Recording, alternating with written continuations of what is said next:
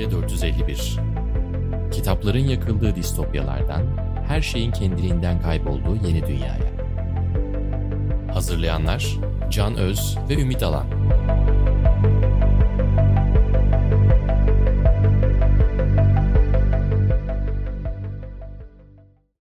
Merhaba, Yeni Medya 451 programına hoş geldiniz. Bugün ben Can Öz, mikrofonun diğer tarafında yazar, iletişimci, gazeteci Ümit Alan. İlk bölümümüzün konusu olan dijital obeziteyi konuşacağız. Ümit, hoş geldin öncelikle podcast'te. Hoş bulduk, merhabalar Can. Merhaba abi. Dijital obezite nedir Ümit? Dijital obezite isteyerek veya istemeyerek aşırı dijital etkiye maruz kalmamız. Bunu e, en güzel tanımlayanlardan biri Teknolojiye Karşı İnsanlık diye bir kitap yazan Gerd Leonard olmuştu. O diyordu ki yaşam genelinde olumsuz etkiler yaratacağı kesin miktarda veri, malumat, medya ve bağlantı biriktirmeye yol açan zihinsel ve teknolojik durum. Çok güzel.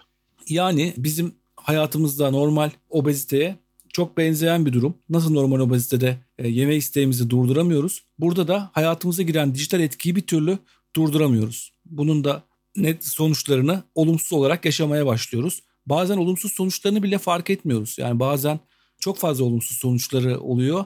Dikkat dağınıklığı, odak kaybı, sevdiklerimize zaman ayıramamak gibi. Ama aynada bunu göremediğimiz için tabii e, anlayamıyoruz Evet. diyorsun. Evet.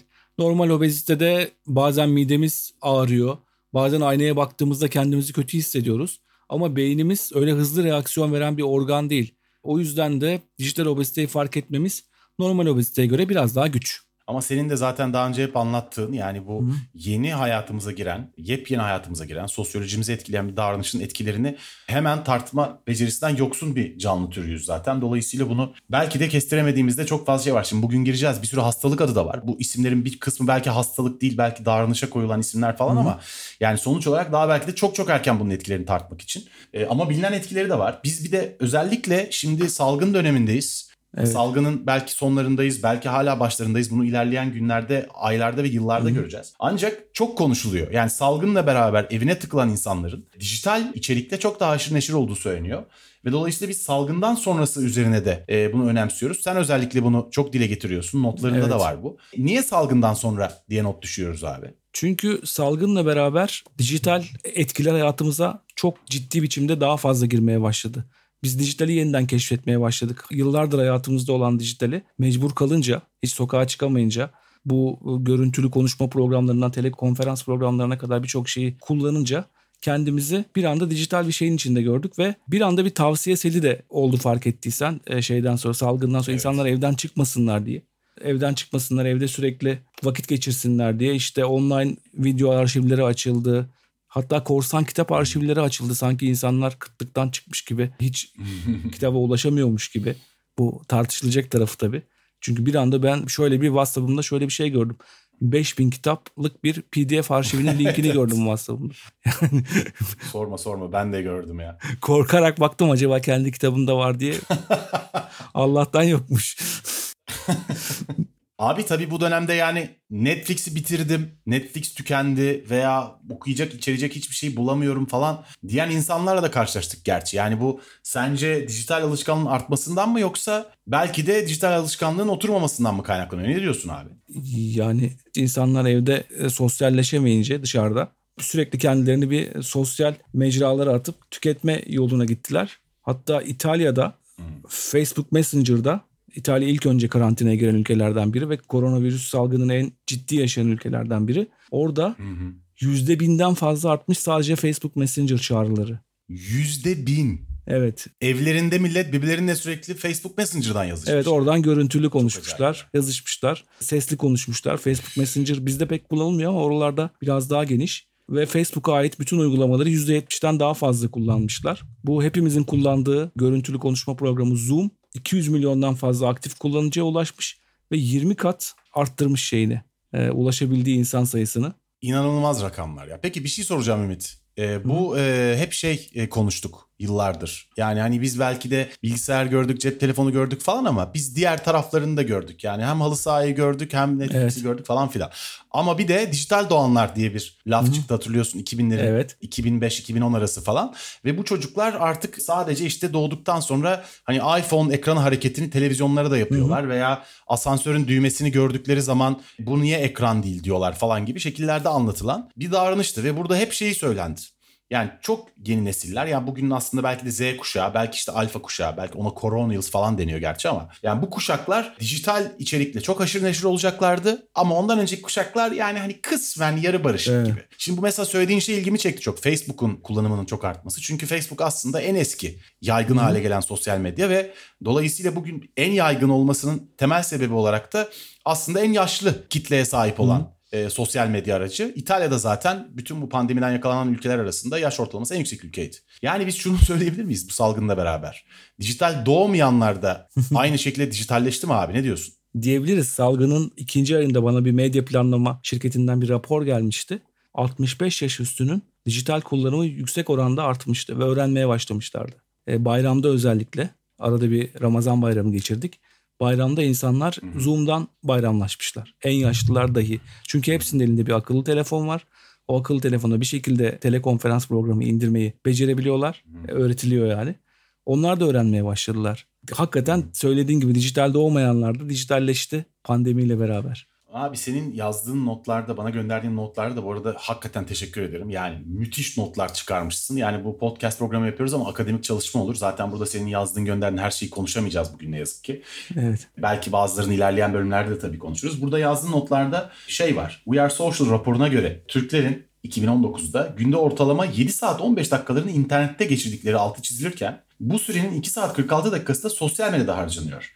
2018'de internette geçen zaman 7 saat 9 dakikaydı. Dünya ortalaması 6 saat. Yani Türklerin aslında internet çok daha fazla kullandığını söylüyorsun. Bu kadar interneti kullanan bir toplum daha yaşını almış aslında dijitale çok daha uzak olan belki televizyon seyreden belki gazete okuyan insanların internete bir anda bu kadar eğilmesi çok da fazla hayatımızı değiştirecek herhalde değil mi? Değiştirecek çünkü bilmiyorlar da kullanmayı ve öğreniyorlar ve el yordamıyla öğreniyorlar. E, Birçok hata yapıyorlar işin içerisinde. Evet. Ama özellikle klasik televizyondan kaçışı hızlandıracaktır diye düşünüyorum. Bu dönemde hızlandırmadı. Bu dönemde özellikle yine medya planlama raporlarında gördüm ben. Diyorlar ki bilgi kirliliği yüzünden, Covid-19 nedeniyle oluşan bilgi kirliliği yüzünden insanlar haberi televizyondan alma alışkanlığı artmış. Aynı insanlar eğlence içeriğinin için internete dönüyorlar tekrar. YouTube'a dönüyorlar, Google'a dönüyorlar. Streaming artıyor akşamları. Ama haber izleyecekleri zaman televizyoncular çünkü şey internette doğru haberi bulma becerileri yok. Bu Tabii. şey e, çünkü güzel, çok bir güzel. sürü bilgi kirliliği var. Twitter'da, Facebook'ta. Ama Farmville'den sürekli davetiye göndermesini biliyorlar Facebook'umuzu. Benim Facebook'tan çıkma sebebim ya. Peki o zaman müsaadenle dijital obezitenin sonuçlarını bir konuşalım. Tabii ki. bir internete kesintisiz bağlı olma hali normalleşiyor hayatımızda ve bunun bir takım sonuçları var. Bu konuda ne diyorsun abi? Şimdi bunu tabii yeni kuşaklar anlamayacaktır ama biz internetle başından itibaren tanışan insanlar bu aradaki farklılığı görebiliyoruz. İnternet ilk geldiğinde neydi biz evlerimizde dial-up diye bir bağlantıyla kullanıyorduk. O dial-up'la bağlandığımızda Abi öyle ya. ki evin telefonu meşgul oluyordu. Yani ben evdekilerle en büyük kavgam buydu çünkü ben internete bağlanıyordum. Evde bir tane hat vardı ve evin telefonu meşgul olduğu için annem ya. babam iletişimden kopmuş oluyordu. Ve bir de cep telefonu olmadığı için ev telefonu yani bakkaldan sipariş verecek senden arkadaşın seni buluşmaya gittiğin yerde bulamadıysaya kadar her şey için kullanılan hattı değil mi hocam? O ankesörlü olan veya dijital tuşlu olan aynı şey. Evet evin telefonu bütün her şey için kullanılan bir şeydi ve sen onu meşgul bırakıyordun internete bağlandığın zaman. Evet, ve evet. bu Evet, evde evet. büyük hayattan koparıyorsun yani. sıkıntılara yol açıyordu.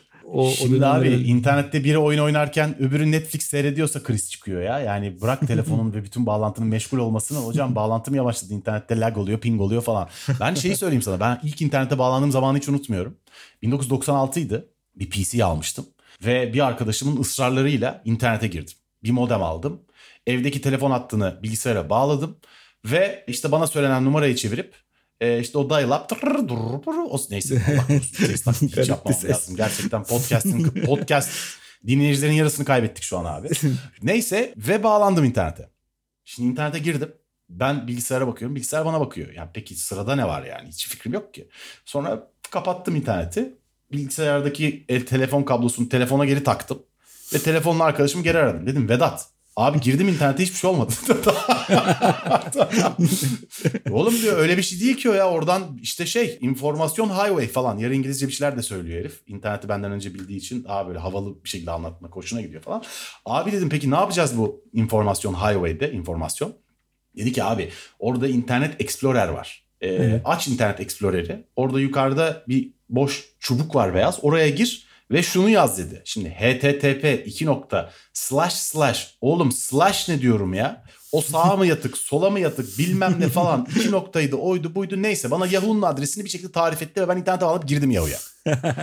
abi Yahoo'ya girdikten 5 dakika sonra tekrar internet kesip geri aradım Vedat'ı. Dedim ki abi senin söylediğin yere girdim. Sayfada yazan her şeyi okudum. Hiç ilginç değil dedim ya bu ne biçim iş. Oğlum dedi öyle değil oraya gidip arama yapıyorsun dedi. Neyi arayacağım dedim ya. O kadar bak bilmiyorum ki yani cehalete bak şimdi bugün baktığında. Şimdi podcast kaydediyoruz falan. Neyi arayacağım oğlum dedim. Oğlum dedi oradan dedi sen dedi Louvre Müzesi'ne girebilirsin. Evet. Oradan dedi Fenerbahçe ile ilgili bilgi alabilirsin. Ne bilgi alabilirim dedim Fenerbahçe ile ilgili. İşte adresi falan. E, başka işte şirketlerle ilgili bilgi alabilirsin. Oğlum dedim bunlar ilgimi çekmiyor ama Louvre'a bakacağım falan. Louvre'a Mouvre'a giremedim. Kapattım internet anasını satayım ondan sonra. Neyse daha sonra internet oyunlarıyla tanışana kadar falan. Dolayısıyla yeni neslin hiçbir şekilde anlaması mümkün olmayan bir kültürden bahsediyoruz. İnternetle yeni tanışma hali. Orası kesin yani. Çok uzattım abi söz sende. Evet. Pardon. Estağfurullah. İnternete kesintisiz bağlı olmanın normalleşmesi diye söz sana vermiştim en son abi. Seni yarıda kesene kadar. Bir anda işte o dial-up dünyasından ben de bir o dönemde yine komik bir kanım aklıma geldi sen anlatınca. Ben de internette ilk hmm. 1996 yılında bir Raksotek internet kafede tanıştım. Evde 97'de de bağlattım Mükemmel. ama ondan önce Raksotek'te bir arkadaşım gelmişti İstanbul'da. Galatasaray Üniversitesi'nde okuyordu. O üniversitede görmüş bana anlatmak için kafeye götürdü.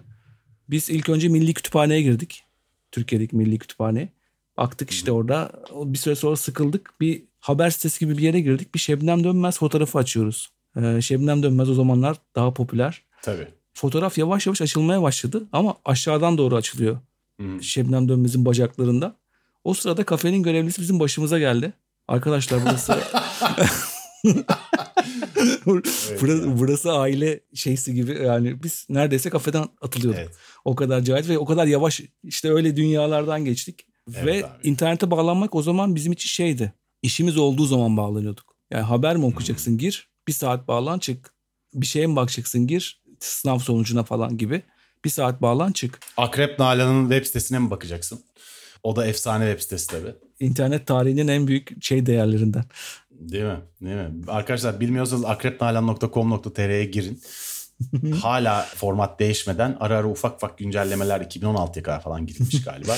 e, acayip bir şey ya. Öyleydi abi internet siteleri ilk yaptığımız siteler gerçekten öyleydi yani. Bol flash. Her taraftan flashlar evet. patlıyor.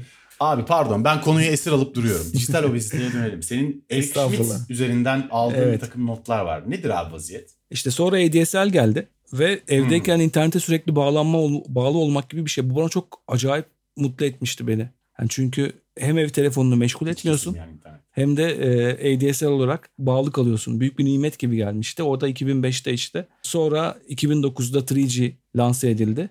Aslında biz sadece 11 yıldır mobil olarak tamamen bağlıyız internete. Hmm. Yani yüzyıllardır öyleymiş gibi geliyor bazılarına ama sadece 11 yıldır hmm. sürekli internetle geziyoruz elimizde. Bu Eric Schmidt Google'da evet. insanlığın 2003 yılına kadar ürettiği bütün bilgi ve her türlü eser 5 milyar GB'lık bir hard disk alanı tutuyormuş. Yani insanlığın başlangıcından 2003'e kadar olan dönemde üretilen her türlü bilgi 5 milyar GB'a sığıyormuş. Ama yalnızca 2010 yılında insanlar 5 milyar GB'lık veriyi 2 günde bir üretir hale gelmiş. Yani biz 2 günde bir aslında insanlık tarihinin başından beri bu tarafa gelen şeyi üretmeye başlamışız 10 yıl önce. Şu anda onu kat kat katlamışızdır. Hele ki bu pandemide birkaç kat daha katlamıştır. Ve bu veri selinde ayakta kalmaya çalışıyoruz. Ve bu bize çok normal geliyor artık.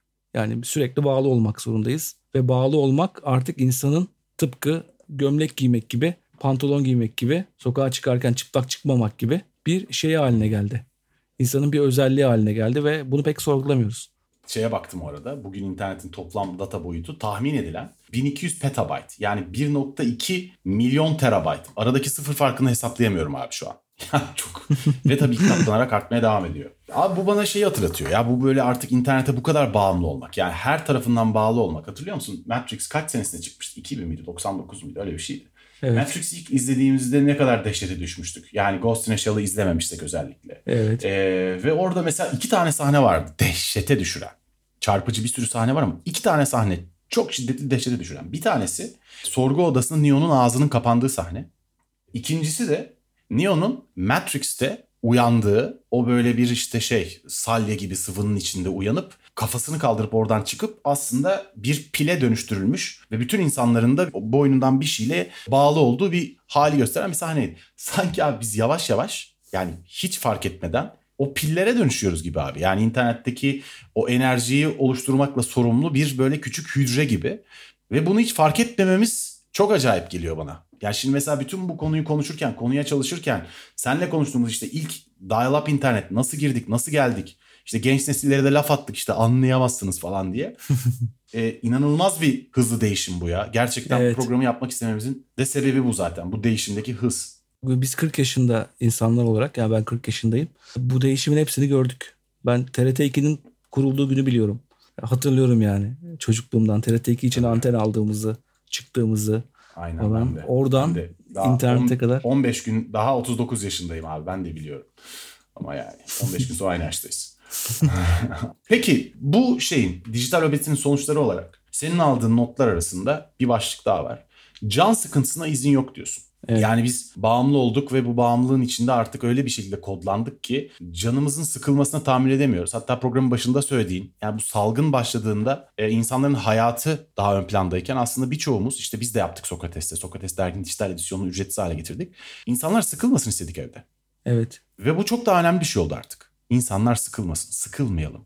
Hı-hı. Sıkılmayı çok önemli bir yere koyuyoruz. Ama bütün bunu dert ederken de tabii biz insanların sıkılmasının sonucu olan dijital medyada tabii bunu podcast'te kaydedip anlatıyor olmamız da biraz çelişkili ama olsun.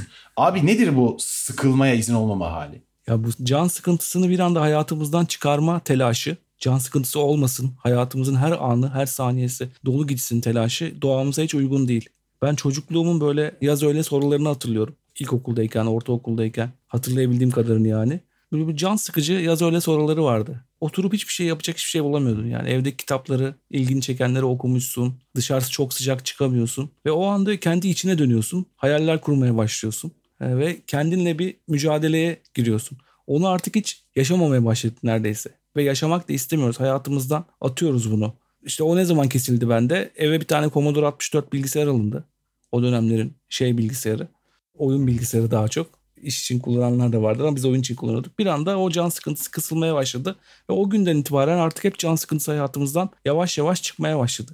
Barry Sanders işte Öküzün Ağası diye çok kültleşmiş artık meşhur bir kitabı vardır. Orada özellikle evet. çocukların canının sıkılması üzerinde duruyor.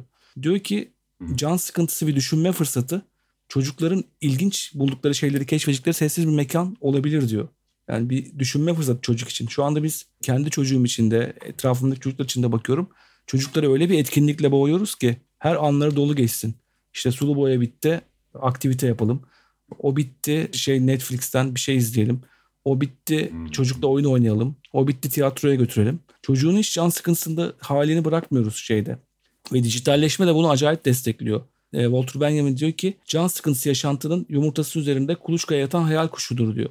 Yani can sıkıntısı altında televizyon görüntülerinin tam tersine hiçbir şey olmayacağını sandığımız bir anda bir çocuğun çok önemli bir keşif yapma olasılığı yatar. Keşfedici şey kendi benliğidir.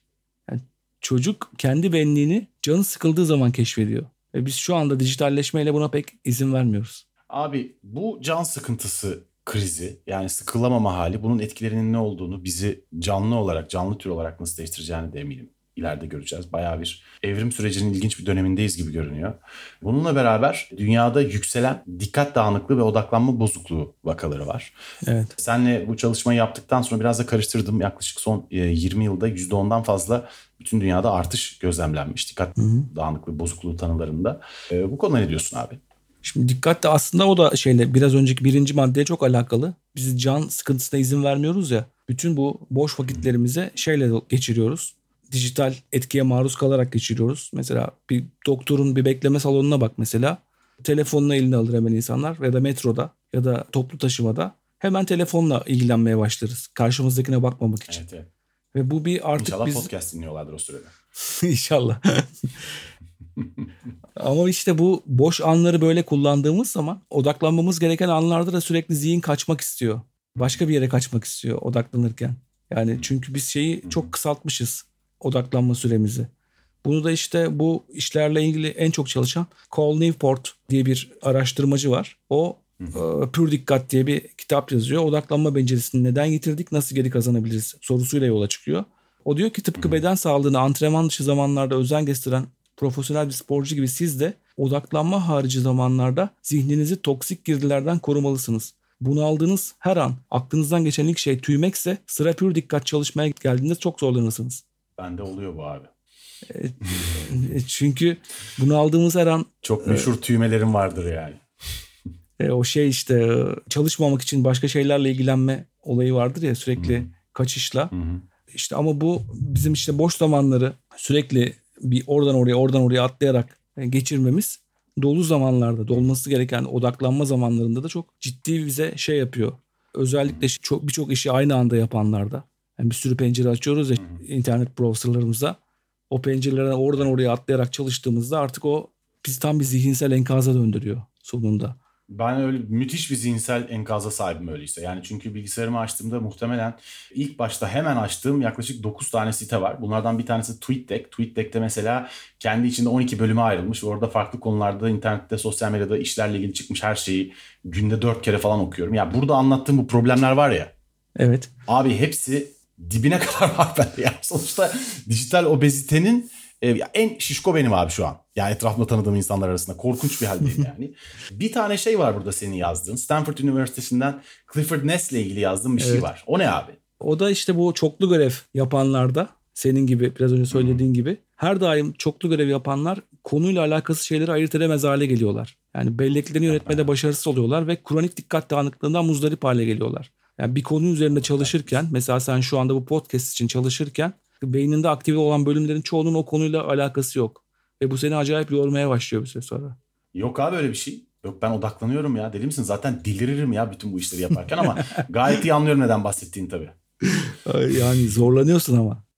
Ya ben Öyle özellikle Doktor Bey, yok doktor doktorlukla Bey bunları bir dahaki seansta konuşmaya devam edelim.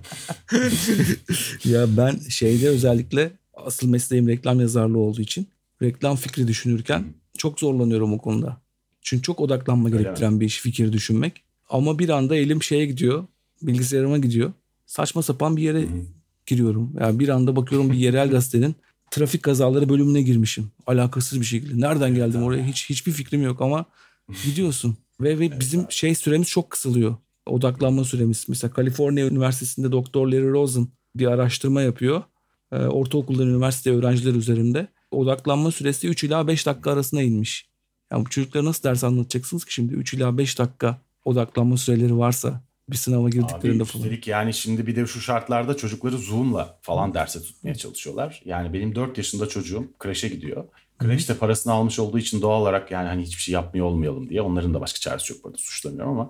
Abi Zoom'dan çocukları bir araya getiriyorlar. Bizimki sallamıyor tabii. Ya çünkü bir çocuğun Zoom'da bir takım insanları izlemesinin iki sebebi olabilir. Bir gerçekten ilgisini çeker. İkincisi korkutarak yaptırırsın.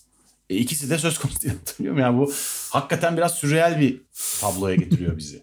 E, gerçekten öyle. Bir de tabii burada senin yazdığın bu Black Mirror'daki e, bu bölümü not almışsın abi. O, Evet. o nedir? Ee, Black Mirror'ın bir bölümünde bir Uber şoförü bir sosyal medya şirketinin çalışanını kaçırıyordu. Ee, Yeni bir stajyer girmiş oraya onu kaçırıyor.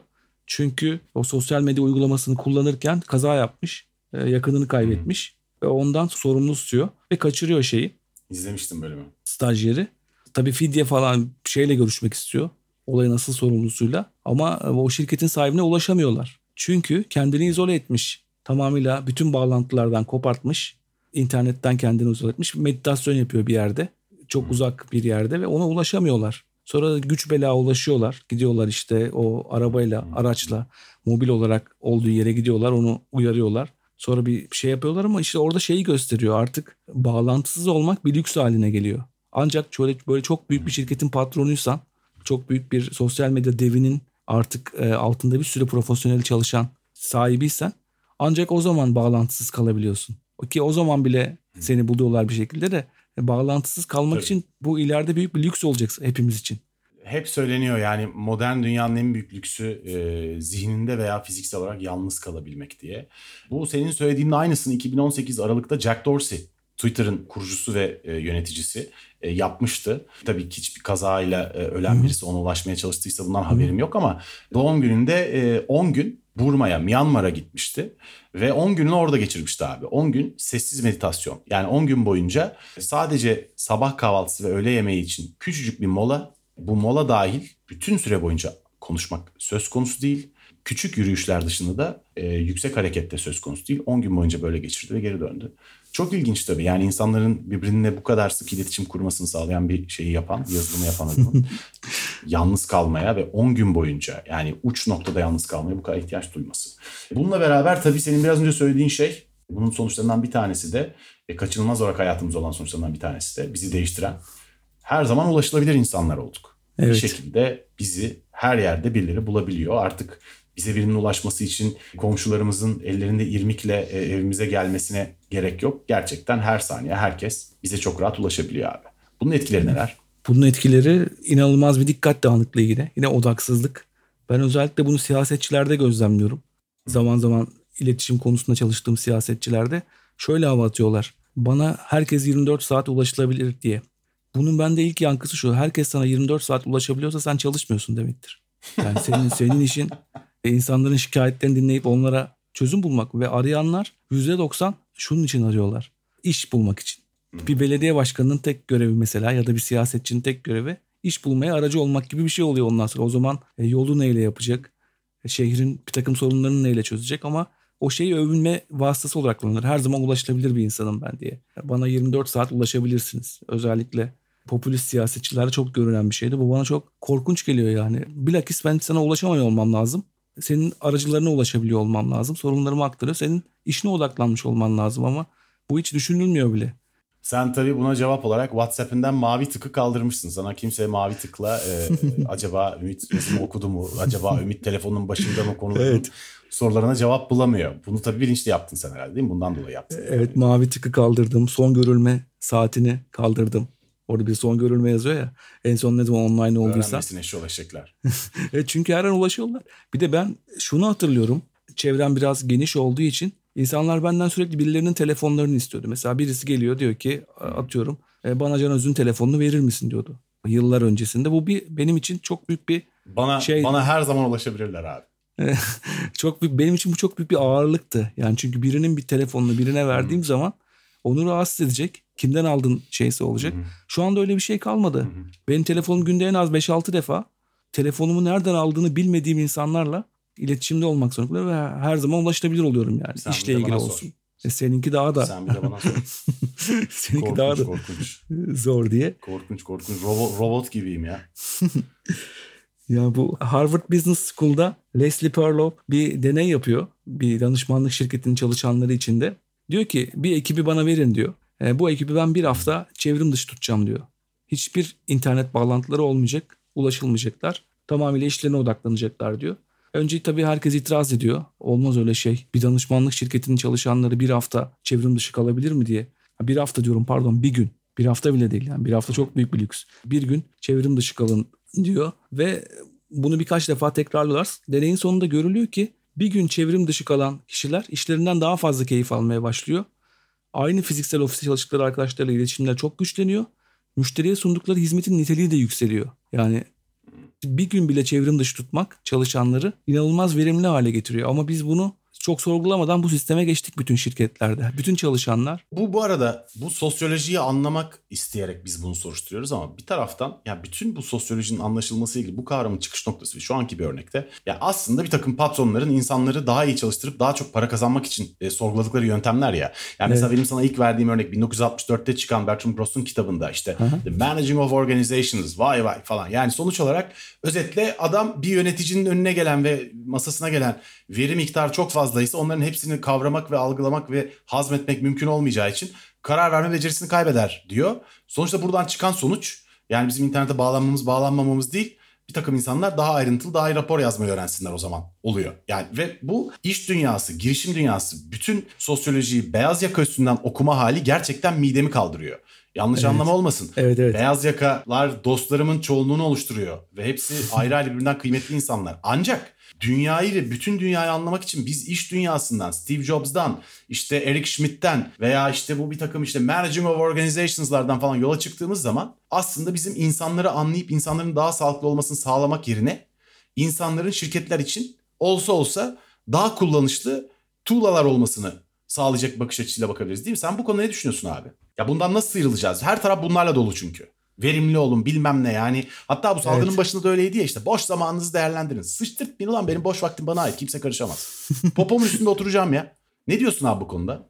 Hep daha verimli olmak üzerine çalışma şeyi. Hatta bu şeyden sonra nasıl olsa evdesiniz. e, akşam da çalışabilirsiniz. Nasıl olsa evdesiniz. Tabii tabii. Hafta sonu da çalışabilirsiniz. Zaten evden çıkmıyorsun gibi. Bu araştırmalar hep bu senin söylediğin insanları daha verimli hale getirmek üzerine şey yapıyor. Yani çevrim dışılık bir gün moda olacak olsa da aynı şekilde insanlar daha verimli olabilir mi acaba diye çevrim dışı olmak moda olacak. Ve şey de yani bir şeyler öğrenin.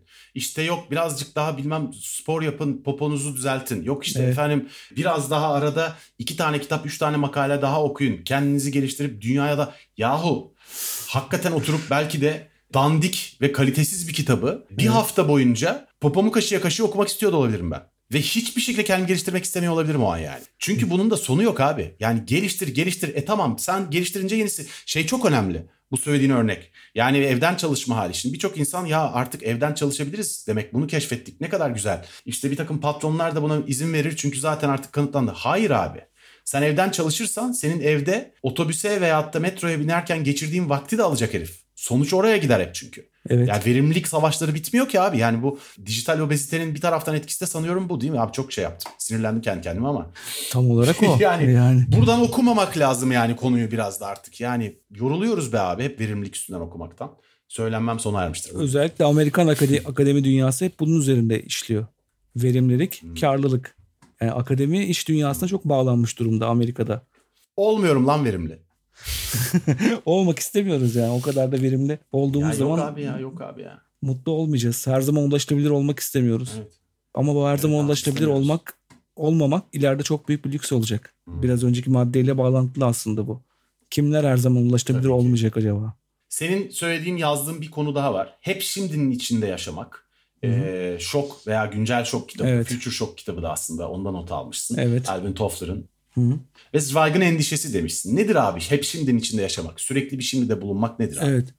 Yani şu anda biz özellikle sosyal medya akışında Twitter'ı da tam bir ekseni alırsak hep bir şimdinin içindeyiz ve her şeyden anında son dakikasında haber olup hiç üzerine düşünmeden için içine dahil oluyoruz. Ben şeyi okurken bu Stephen Zweig'ın Dünün Dünyası kitabını okurken dehşete düşmüştüm. 1939 yılında, yani 30'lu yılların sonunda yazmış ama daha eskisini anlatıyor. Yani kendi kuşağının trajedisini anlatıyor. Zweig diyor ki bizim bizden önce kuşaklarda olduğu gibi sıvışma ya da kenara çekilme olanağımız yoktu. Eş zamanlılığın yeni düzenlemesi sayesinde sürekli zamanın içerisinde olduk. Bombalar Şangay'ı yerle bir mi etti? Avrupa'daki odamızda daha yaralılar evlerden çıkarılmadan haberimiz oldu bundan. Denizin binlerce mil uzağında olup bitenler anında gözümüze sokuldu. Sürekli karşı karşıya kaldığımız bilgilendirme ya da olayların içine dahil edilme olgusuna karşı korunmasız ve çaresizlik. Ne kaçabileceğimiz bir ülke vardı ne de sükunete kavuşma olanağı diye gidiyor. Müthiş Bunu- ya. Bunu Ve radyonun dünü ol- anlatıyor herif. evet. Yani e, orada iletişimle o zaman radyo ve telgraf. Başka bir şey yok. Ve intihar üstüne adam ya. E, so- bunun üzerine dayanamayarak intihar ediyor. Bütün bu Evet. trajedinin Yani içinde. tabii başka şeyler de var ama yani inanılmaz Evet. hakikaten ya. Ya hakikaten inanılmaz. Dünün dünyasını okumuştum ama bu kısmı hatırlamıyorum. Bu gözle hiç bakmamıştım. Nasıl yakalamışsın ya? Nasıl yakalamışsın ya? Vaktimizi çok verimli kullanmıyoruz bu arada. Dinleyiciler kızacaktır çünkü dinleyicilerin Evet. e, hep bir programı beğendikleri zaman söyledikleri şey ya daha uzun olsun lütfen daha uzun olsun. E, bununla ilgili zamanında İlker Canikligil bir şey söylemişti. Flört gibidir demişti. E, yani flörtte kadın veya erkek veya iki kadın iki erkek fark etmeksizin tabii ki. E, şunu söylemişti. Flört aşamasında karşınızdaki kişiye istediği her şeyi hemen verirseniz veyahut da istediği hiçbir şeyi hiç vermezseniz ikisinde de karşınızdakini kaybedersiniz. Karşınızdakilerin istediklerini onlara parça parça kısmen vererek o flört sağlıklı bir şekilde yürütülmesi. Tercihlikle ilgili bir flört uzmanı mı bilmiyorum ama Tabii bu söylediği çok aklıma yattı benim. Ben de o fikre yapışarak programları çok uzun tutmamak fikrini sürdürüyorum. Ancak biraz daha konumuz var. Sadece Evet, evet. bundan sonra ben daha az konuşacağım. Bu Hı hı. uzun konuşmayla da bunu söylediğim Hı hı. için kendimi tebrik ediyorum. Sana şeyi sormak istiyorum abi. Bunun e, hazır buradan da sözü açmışken ilişkilere etkisi nedir? İlişkilere etkisi yani herkesin şeysi vardır. Bu WhatsApp'tan sonra ilişkiler hiçbir zaman eskisi gibi olmadı. WhatsApp ve ya da SMS diyeyim. SMS ile birlikte başlıyor aslında bu. Benim hep böyle ara ara üniversitelere falan konuşmaya çağrılınca verdiğim bir örnek var. Bir nişanlı çift kafamda kurguluyorum ben. Bu nişanlı çift 80'lerde yaşıyorlar ve bir gün buluşuyorlar telefonla konuşarak. Telefonla bir gün önceden randevu alışıyorlar. Buluşuyorlar bir pastanede. Ve gündemleri şey düğünü büyük mü yapsak işte büyük düğün salonu tutmak falan filan gibi yoksa Hı hı. nikah salonunda basit bir şey mi yapsak masraflı bir şey mi falan mı diye sonuna kadar bir sonuca varamıyorlar bu şeyde bu tartışmada. Hı. En sonunda bir tanesinin vakti doluyor artık kız tarafının eve gitmesi lazım otobüse bineye gidiyor tartışmanın ortasında ve otobüste artık tartışmayı unutuyor ve düşünmeye başlıyor üzerine eve gidiyor annesiyle konuşuyor annesiyle derinleşiyor diyelim. Sonra makul bir seçenekle ertesi gün tekrar sevgilisiyle buluşuyor. Bu olayın bugün yaşandığını düşün. Ee, buluştun konuştun ondan sonra otobüste eve dönerken yazışmaya devam ettin. Eve gittin yazışmaya devam ettin. İş kavgaya döndü ve bir noktada ayrıldın. Çok mümkün. Çünkü WhatsApp'ta ne yazacağını bilmiyorsun. İşte lanet olsun hayatımda bir kere O zaman- evleniyorum. O zaman çok daha kısa süreli ve çok daha fazla ilişki yaşıyor insanlar bu yüzden belki de. Evet aklına geleni hemen söylüyorsun ve araç da ilişkinin şeklini belirliyor. Ve o da bir infoboziteyle bizim ilişkilerimizin süresini kısaltıyor. Bütün iyi erkeklerin kapılmış olması, bütün iyi kadınların kapılmış olması gibi sürekli ek sözlükte, Twitter'da, Facebook'ta yürüyen tartışma konuları vardır. Kapılmış olmasından ziyade belki de çabuk tüketmemizden kaynaklanıyor da olabilir bu konu. Evet iyi olmadığını Ee, daha çabuk anlıyorsun iyi erkeğin. Ya da iyi, iyi- ya da iyi kadının iyi olmadığını daha çabuk anlıyorsun. Çünkü yani çok güzel bir atasözü var. Çok muhabbet tez ayrılık getirir Sana diye. göre olmadığını diyelim zaten. İyi olmadığı lafı çok hayvanca bir laf Evet. zaten. Ne demek iyi değil ya? Sanki karpuz tartıyorsun anasını satayım ama. Sana göre olmadığını ve çok muhabbet tez ayrılık getirir. Yani evvelden bir senede yapacağın muhabbeti Evet, evet. Yani biraz önce söyledik ya dijitalleşme rakamlarını e, ne kadar arttığını şeysini bir senede yapacağın muhabbeti belki bir ayda yapıyorsun. E, geriye ne kalıyor? Ve bu obezite bizim ilişkilerimize kadar şey yapılıyor. Mesela ben SMS zamanı e, bir kızla flörtleşiyorum üniversitede sadece SMS var iletişim olarak. Hı hı. Çok kontör gitmesin diye konuşmuyoruz falan öğrenciyiz. Bir gün bana keep by diye bir şey yazdı şeyde kapatırken. Ben şimdi düşünüyorum keep by ne demek abi? E Çünkü şu karakter sınırına takılmamak için. Kip ne demek? Sonra ertesi gün buluşunca sorabildim anca. Utanıyorum çünkü sormaya. Cahil olduğun ortaya çıkacak falan diye. Başka bir arkadaşıma sordum hatta. Kip ne demek abi? Kip bay ne demek ya bana? iyi bir şey mi söyledi, kötü bir şey mi söyledi? Kendine iyi bak çıktı. Bunları öğrene öğrene geldik şeye. Yani ilişkilerimizin etkisi. Evet abi. Ben e, 2005 yılında ilk defa cep telefonu kullandım. Çok rahatsız oluyordum. İnsanların oturup kafalarını eğip SMS yazmasından nefret ediyordum. Gerçekten çok tutucuyum. Hala öyleyim. Mesela emojilerden tiksiniyorum hala. Ama biz Sokrates'te kullanıyoruz. Bir sürü yerde emoji kullanılıyor falan. O ayrı. O dünyanın akarsuyun akışı o. Ama o kadar rahatsızım ki emojiden. Yani biri bana bir şey söyleyecekken bir yuvarlak surat göndermesinden falan o kadar rahatsız oluyorum ki genellikle emoji gönderenlere ben kamyon emojisi gönderiyorum abi. E, dolayısıyla bunu bilmeyen insanlar oldukça şaşırıyorlar ve sohbet hızlı bir şekilde sonlanıyor. Bu aklımda olsun. Ben de Sadece ve tek gönderdiğim emoji kamyon. Çok memnunum bu işten yani. Emojini de al git demek yani. Ya emoji benim benim hayatıma çok girdi. Yani benim iletişimde olduğum insanlar hep tabii ki. emoji kullandığı için Tabii ki senin işin o ya. ben de çok kullanıyorum. Hatta ara ara Tabii ki. reklam çalışmalarında bile kullanıyoruz. Ama işte bu her şeyi değiştirdi. Emoji ile iletişim kuran bir nesil çıktı belki de. Biz hala uzun uzun yazıyoruz. İlişkiler daha da hızlı tüketilecek bir şey. O kadar da bizim kadar çok düşünmüyorlar üzerine bence. Abi hastalıklardan biraz bahsedelim. Bunun açtığı, yol açtığı hastalıklar. Bir sürü hastalık saymışsın. Ben senin yazdığın hastalıkların bir isimlerini bir sayayım. Hı hı. Ondan sonra da bunlardan belki ilginç bulduğumuz birkaç tanesinden bahsedelim. Bir tanesi WhatsAppitis, klavye hastalığı. Bir tanesi Ersivolkitis, tekrarlayıcı gerilme yaralanması. Bunu anlamadım bile. İsmi çok hoşuma giden hikikomori fenomeni. Bir kere hikikomori fenomeni olan adı bir hastalığı kesinlikle konuşmak istiyorum. Bir başkası ego sörfü. Bir başkası YouTube narsisizmi. Bir başkası MySpace taklitçiliği. Bir başkası Google stalking. Bir başkası siberhondrik. Bir başkası photolurking. Bir diğeri Wikipedializm. Bir diğeri crackberry. Bir diğeri cheese pudding. Bir diğeri enfornografi. Bir diğeri en meşhur bildiğimiz zaten hep duyduğumuz FOMO hastalığı, fear of missing out. Bir diğeri nomofobi. Bir diğeri JOMO. Bitiyor sevgili dinleyiciler. Sabaha kadar hastalık ismi saymayacağım size. Merak ettiğim birkaç tane kaldı. Bir diğeri FOBO yani fear of being offline. Çevrim dışı kalma korkusu. Bir diğeri selfitis. Hastalıklar bunlar. Eminim ki bunlardan çok daha fazla şey vardır. Bunlar tabii belki Evet. bir takım koşullara koyulmuş kategorik isimler. Hastalık demek fazla olmayabilir ama Evet. ya en nihayetinde tanımlanan, ortak görülen insanın sosyolojisindeki problemli hallerin isimleri bunlar. Hı hı. Hangisini konuşmak istersin ilk? İlk konuşmak Bir isteyeceğim. beş tanesini anlatalım. Yani Hadi hikikomori fenomeninden gelelim o zaman madem kararsız kaldın. Nedir abi hikikomori fenomeni? Ve niye hikikomori? Ne demek hikikomori? Söyleyemiyorum bile. Japonca bu toplumdan elini ayağını çekmek anlamına geliyormuş. Kişilerin birden işte eve kapanıp en yakın çevresi ailesiyle bile iletişim koparmasına neden olan bir şey. Sadece teknolojiyle bağımlı olmakla, internet bağımlılığıyla giden bir hastalık. Geyşaların evden kaçamaması için ayakları küçülsün diye onları yaralayarak küçük ayakkabılarda onları yetiştiren ve zaten bu konuda yüzyıllar öncesinden çok mesafe almış bir kültürün hemen isim bulması da şaşırtmadı tabii. Ya ben bunu bir arkadaşımda görmüştüm. Yeni bebeği olduktan sonra bu şeye girmişti. Bu fenomene. Bir anda odasına kapanıp sadece oyun oynamaya başlamıştı. Bütün şeyden kopartarak kendisini.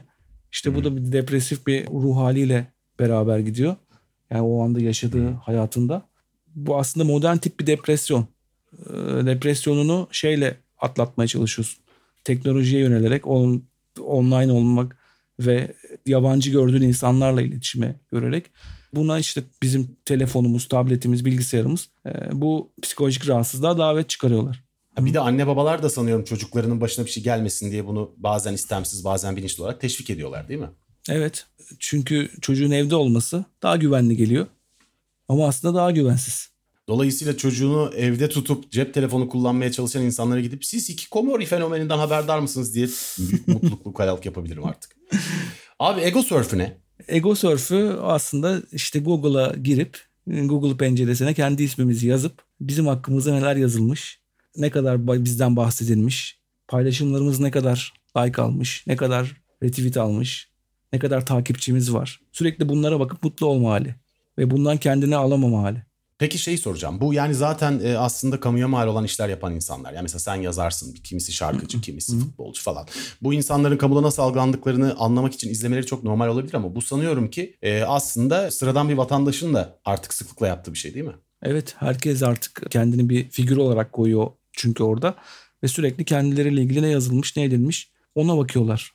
Sanatçı egosu herkeste oluşmaya başlıyor. Sosyal medyanın hayatımıza katkılarından biri. Bu da anladığım kadarıyla birçok başka psikolojik hastalığa geçiş için çok elverişli bir başlangıç ortamı yarattığı söylenen bir durum. galiba. Narsizme geçirir muhtemelen. O zaman YouTube narsizmini konuşalım ya. Evet. Pardon lafını kestim yine. Süre şey diye hızlandırmaya çalışıyorum ama seni çok kesiyorsam ayıp mı Ee, ediyorum? Yok abi? estağfurullah canım hiçbir problem yok. Ee, peki YouTube narsizmi nedir abi? YouTube'da yayılan bir, bir narsizm.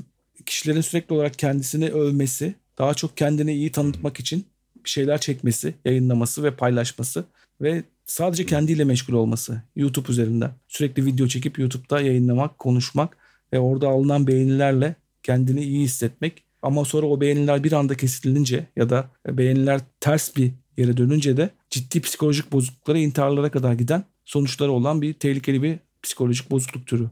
Sen bizim YouTuber'larımıza hasta mı diyorsun şimdi? Meşhur yerli ve milli YouTuber'larımıza. Yok canım onlarda bir hastalık yok ama hastalığa, yok yok eşeklikten sordum. hastalığa gidebilirler ama yani Ee, bir gün Evet, evet, şey tersine dönerse yani kendini sürekli orada bir aynada övmek ve övülmesinden hoşlanmak YouTube'da videolarla artık o aslında Instagram narsizmi de diyebiliriz. Çünkü Instagram'da büyük oranda şeye döndü. Videoya döndü. Fotoğraf diye başlamıştı ama şu anda Instagram daha çok video üzerinden dönüyor.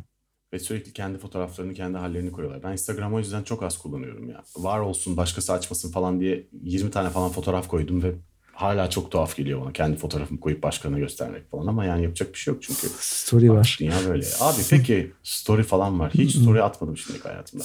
Abi FOMO hastalığı en çok bilinen hastalık. Fear of missing out. e, gündemi kaçırma hastalığı galiba. Gelişmeleri kaçırınca şey oluyorsun, gergin ve endişeli oluyorsun. Sosyal medya timeline'ı bir süre göremezsen o akışı, bir süre böyle şey kalırsan, dışında kalırsan yani ben dışarıdayım ve bir şeyler oluyor diye bir endişe yaşayıp gerginleşme hali. Ben bunu şeyde fark etmiştim. Hı hı. Birkaç yaz önce bir arkadaşımızın evine gittik İzmir Karaburun'da. Dağın tepesinde bir ev. Müthiş manzarası olan ama gel gör ki internet yok. Ne Wi-Fi olarak var ne de GSM olarak var. İlk iki gün acayip gerildim. Yani çünkü elimde makine var, yanında bilgisayar var. Hiçbir şeyden haberim yok. O anda dar, Çekmiyor değil mi eşya olarak? evet, darbe olsa haberim olmaz yani. Haberimiz olmaz. Orada öyle yaşamaya devam ederiz.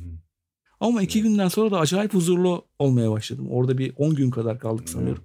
Ve iki günden sonra atlatıyorsun. Ama o FOMO denilen şey yani bu Fear of Missing Out meselesini ki şeye de benziyor. Being Offline, FOBO diye bir şey vardı ya. Fear of Being Evet. Offline aynı şey aslında. İlk iki günü atlattıktan sonra hakikaten bir iç huzura dönüyor. Ama çoğu insan da o ilk iki gün test edemediği için, elinde sürekli internet olduğu için, sürekli bağlı olduğu için o endişeyi sürekli yaşamaya devam ediyor. Metroda olur. Şeyde dikkat et mesela iç hat, internet olmayan iç hat uçuşlarında uçak yere tekerleği koyduğu anda insanların hareketlerine hiç dikkat ettin mi? Evet abi deli misin sen? Bir Ya tane- Gerçi çok fazla etmedim çünkü ben de o insanlardan bir tanesiyim. Hemen telefonlarımızı açıyoruz. indi, indi falan diye. evet evet. Kim İşte- aramış, ne mesaj gelmiş, Twitter'da neler olmuş, Türkiye'de ne gelişmeler var, e-mail kaç tane birikmiş falan filan. Heyecan içinde yani. Alt tarafı 2-3 saat uçak yolculuğu yapmışsın yani. En fazla 2 saat. Ne kadar önemli olabilir bir de bana gelen mesajlar veya benim Türkiye'nin gündemine dair öğreneceğim şeyler. Önemli zannediyorsun ya. Ama işte Ee, bunlar bir homofobi sonra şey yönü ise geçebiliriz. O da telefonun olmaması durumu. Ki öyle bir şey yok artık bence. Telefon. Ben Hı hı. evde geçen sene evde 2-3 defa cüzdanımı unuttum. Cüzdanım evde kalmış yani. Ama sonra telefonumu hiç unutmadım. Cüzdanımı unutabiliyorum, telefonumu unutmuyorum. O kadar önemli olmuş. Ve artık telefonla ATM'den para da çekebiliyoruz. O şeyimiz de var. O yüzden homofobi diye bir şey yok bence artık. Kimse telefonunu unutmuyor. evet abi. Hakikaten anahtarı, cüzdanı veya gözlüğü falan unutabiliyorum. Yani gözlüğü ya görmüyor olmadığın insan nasıl fark etmez? Unutabiliyorum. Cep telefonunu unutmuyorum abi. Ee, selfitis diye bir şey var. Gerçi biraz önce bahsettik Instagram'dan. Evet. ama Bu direkt selfie çekme hastalığı değil mi? Evet Ve sürekli bunun selfie. isimlerini yazmışsın sen. Borderline selfitis, akut selfitis ve kronik selfitis olarak 3 tipi varmış bunun. Nedir Evet. abi selfitis? Selfie sürekli kendi fotoğrafını çekip bunları sosyal medyada yayınlamak. Bunu o kadar yaygın ki ben bazı Facebook hesaplarında bazı Instagram hesaplarında bunu dehşetle fark ediyorum. Yani diyelim ki 200 tane fotoğraf var profilinde. 200 fotoğrafın 200'ü de kendisi ve selfie şeklinde. Ya diyorum insan Evet. uzaktan bakınca da mı bunu hiç anlamaz acaba? Yani tamam güzel olabilirsin. Kendini çok güzel ya da yakışıklı hissediyor olabilirsin. Ama hiç mi rahatsız olmazsın? Bunu çok garip geliyor bana. İşte bunu işte borderline dediği günde en az 3 kez yapanlar. Akut dediği günde 3 ile 6 kez yapanlar. Kronik dediği de artık günde en az 6 kez kendi selfiesini koyanlar diye. Hepsini gördüm bu arada sosyal medyada. Tabii beni de çok rahatsız ediyor ve çok salakça geliyor. Bir kolektif gerizekalılık yaşıyormuşuz gibi geliyor ama bir taraftan şunu unutmamak lazım. Yani bizim davranışlarımızın birçoğunu aslında biz çocukken etrafımıza bakıp doğru olup olmadıklarını oradan anlayıp öğreniyoruz. Hı hı. Ve çok insan bunu yapınca bu birçok insanı da aslında sorgulanmaya gerek olmayacak normal bir davranış gibi geliyor da. Olabilir yani hani bu belki hastalıktan çok da bir, hepimizin birbirimize bakarak doğal karşıladığımız alışkanlıklar olabilir ki böyle çok alışkanlığımız var. Yani Evet. atıyorum hiçbir şekilde e, çiğ yemek yemezken aslında tavuk göğsünü normal karşılamak da belki bunlardan bir tanesi olabilir. Ben çok severim tavuk göğsü tabii. Selfitis son hastalığımızdı. Evet. Ee, programı e, yavaş yavaş toparlamaya doğru geliyoruz. Hı hı. Ama Toparlamadan önce sana bir son soruyla e, sözü teslim Evet. edeyim. Öncesinde ben bir şey söyleyeyim. Bu listede hastalıkları tanımladığımız listede Profesör Doktor Ersin Akpınar yani bunların hepsi uluslararası literatüre tanımlanmış şeyler. Şu anda üzerine çalışma yapılan sendromlar. E, ama biz bundan şey yaparken Profesör Doktor Ersin Akpınar'ın e, Journo sitesine, journo.com.tr'ye verdiği e, beyandan yararlandık derlerken. Onu da söyleyelim ki Tabii kesinlikle. sonuçta ikimiz de psikiyatri olmadığımız için bir yerden almış Yok, olmamız gerekiyor. araştırmaları biz ikimiz Ümit'le yapıp isimleri kendimiz koymadık. Orası Evet. referans vermek çok önemli. Evet. İnsanlar da gidip bakmak isteyebilirler. Yani Hı hı. diğer çektiğimiz programlarda da bahsettiğimiz referanslar, videolar, Evet. filmler, diziler ve kitaplara insanlardan epey rağbet geliyor ve yorum da geliyor. Dolayısıyla zaten zenginleştirici de bir şey. Bakmak da isteyebilirler. Evet. Abi öyleyse sonuç olarak Böyle bir şey var ve bunun gerçekten ne demek olduğunu, bu konudan tanıların ne kadar doğru olduğunu, sosyolojiyle ve ekosistemle beraber önümüzdeki yıllar nasıl evrileceğini bilmiyoruz. Ee, göreceğiz, öğreneceğiz. Ama mevcut şartlarda bizim de bu gelişmelerin karşısında küçük bebekler kadar aslında cahil olduğumuz, e, sonuçlarının ne olacağını kestirmekte zorlandığımız şu dönemde insanlara ne önerebiliriz? Ne diyorsun? İnsanlara önereceğimiz ilk şey bunun farkına varmaları gerekiyor. Çünkü normal obez olduğumuz zaman aynaya bakınca biz kendimizi e, görebiliyoruz. Rahatsız oluyoruz görüntümüzden. Yani sonuçta kilo almışım diyoruz. E, vermem lazım diyoruz. Veremesek de bir rahatsızlık hissediyoruz normal obezitede. Ama dijital obezitede hiç fark etmeden yıllar geçirebiliriz. Ve bu çok yeni bir şey aslında. Düşünsene 10 yıldır hayatımızda en fazla bu şey var. Özellikle mobil internet. 2009-2010'da 11 yıldır hayatımızda olan bir şey ve bunu çok fark etmemiş olabiliriz. Ben burada hep fark etmenin ilk adımı olduğunu düşünüyorum ve Neil Postman işte ünlü medya teorisyeni bizim medya teorisinin en önemli insanlarından biri diyor ki teknoloji verir ve teknoloji geri alır. Bunu her zaman eşit bir ölçekte yapmaz. Yeni bir teknoloji bazen yok ettiğinden daha çoğunu yaratır. Bazen de yarattığından çok daha fazlasını yok eder. İşte bu çok önemli. Bize verdiğinin ne kadarını geri alıyor? Bunu fark etmemiz lazım. Evet teknoloji çok işimize yarıyor. Hayatımızı inanılmaz kolaylaştırdı. Ama artık daha fazlasını da almaya başladı. Yani en çok fark etmekle ilgili hayatımızdaki bu dijital obezite yorgunluğunu, dijital obezitenin üzerimize yüklediği sağlıksız durumu fark etmemiz lazım. Belki elimizden geliyorsa senin dediğin gibi bir şekilde yapabilirsek bir iki günlük, üç günlük bir şekilde teknolojiden uzak kalmanın bizdeki etkisini denemek Ölçmek. olabilir. Ben bunu yapmanın çok iyi bir fikir olduğunu düşünüyorum ama bunu yapmaya bu arada şu an hiç niyetli değilim. Çok memnunum durumdan. ama kesinlikle, kesinlikle yani işten dolayı yapamam bir taraftan zaten evet. podcastler kaydediyoruz falan. Ama kesinlikle bu sene içinde iki gün iletişim aracı olan bütün teknolojilerden uzak kalacağım ve bakacağım ne oluyormuş diye çok ilgimi çekti bu söylediğin. Bu verdiğin örnekler de çok ilgimi çekti. Ümit bence bayağı iyi bir program oldu. Çok teşekkür ederim sana. Öncelikle bir bu programa katılmayı, bu programı yapmayı, birlikte yapmayı kabul ettiğin için. Ayrıca gerçekten çok iyi hazırlanmışsın. Yani müthiş bir çalışma yapmışsın. Yani sevgili dinleyiciler ben gerçekten Ümit'in yaptığı çalışmalara eşlik edebildim. Yani yapılan araştırmaların hemen hemen hepsi Ümit'in hazırlamaları. Zaten konuya da çok hakim. Dolayısıyla şüphesiz ki onun bu konudaki birikimine de bakış açısına da çok saygı duyuyorum. Kıymet vererek dinliyorum ben de. Onun da etkisi var elbet. Abi her açıdan sana çok çok teşekkür ederim. Çok güzel podcast'in başlangıcı oldu bence. Bir dahaki bölüm için e, dijital minimalizm nedir diye not almışız. Evet. Bunu yapıyoruz bir dahaki bölüm. Evet nedir nasıl mümkün olur? Şu anda bu bölümde dijital obeziteyi anlattık. Üzerimizdeki e, dijital etki yoğunluğunu anlattık. Bunu nasıl azaltabiliriz? Onun da yolu dijital minimalizmden geçiyor. Dijital minimalizmi nasıl yapabiliriz? Biz hayatımızda deneyimledik mi? E, yurt dışında bununla ilgili nasıl araştırmalar yapılmış? Bunlar üzerine konuşarak bu konuya derinleşmeyi planlıyoruz ikinci bölümde. Çok güzel. Senin bir de burada not aldığın bir takım kitap tavsiyeleri var. Bunlardan önermek istediğin bir şeyler var mı? Evet bu şeyde Pür Dikkat Cal Newport'un kitabı Metropolis yayınlarından çıkmış ve teknolojiye karşı insanlık Gert Leonard'ın e, siyah kitaptan çıkan kitabı onu da e, tavsiye ederim çünkü orada da dijital obezite kısmına ayrılmış bir bölüm var. Teknolojiye karşı insanlık ve teknolojiye karşı insanlık için bir manifesto var.